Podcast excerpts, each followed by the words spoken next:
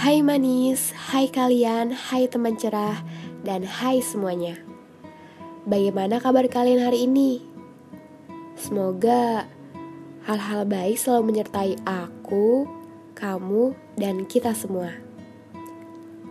Kenalin, namaku Tasya, yang sekarang jadi bagian dari series podcast Teman Cerah. Salam kenal semuanya.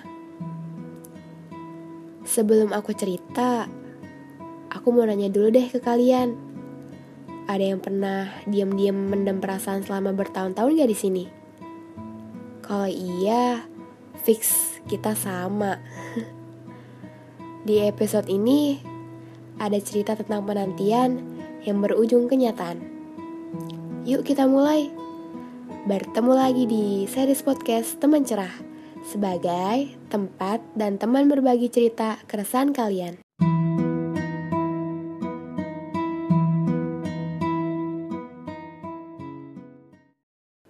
Aku pernah tertarik sama seseorang dan menjadi pengagum rahasianya tanpa ada satu orang pun yang tahu. Ketertarikanku ini dimulai ketika momen lebaran di tahun 2011. Ketika aku saling berjabat tangan dengannya, dari kejadian itu, dia menjadi orang yang selalu aku pikirkan. Aku pikir Tadinya itu cuma ketertarikan biasa, tapi ternyata ketertarikan itu bertahan lama. Selama tujuh tahun, aku selalu nyari tahu tentang dia, apa pun itu.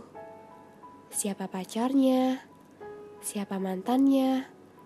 Hal itu yang aku jadiin patokan kelak.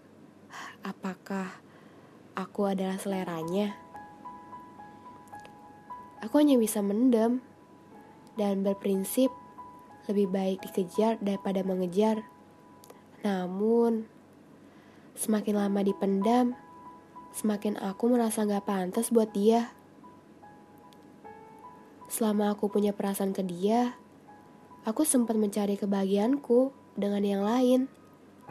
Namun sayang, ketertarikanku tetap tertuju padanya yang ngebuat aku akhirnya merasa capek punya perasaan sendirian. Dan ya, di tahun 2018, aku memutuskan untuk melupain rasa ketertarikanku ke dia.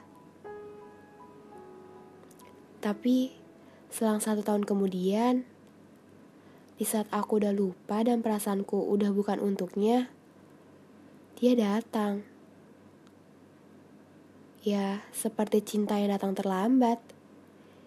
Dia menyatakan cintanya, namun berujung penolakan. Iya, aku tolak. Padahal, dulu dia adalah orang yang amat sangat aku inginkan. Namun, dia gak pernah nyerah. Keempat kalinya dia nyatain cintanya. Akhirnya, aku luluh dengan usaha dia. Selama itu, penantian dari 2011 dan menjadi kenyataan di 2020. Ketika aku bersamanya, aku tuh ditreat layaknya ratu. Diperlakukan baik banget sama dia. And ya, terima kasih untuk bersamanya hingga saat ini.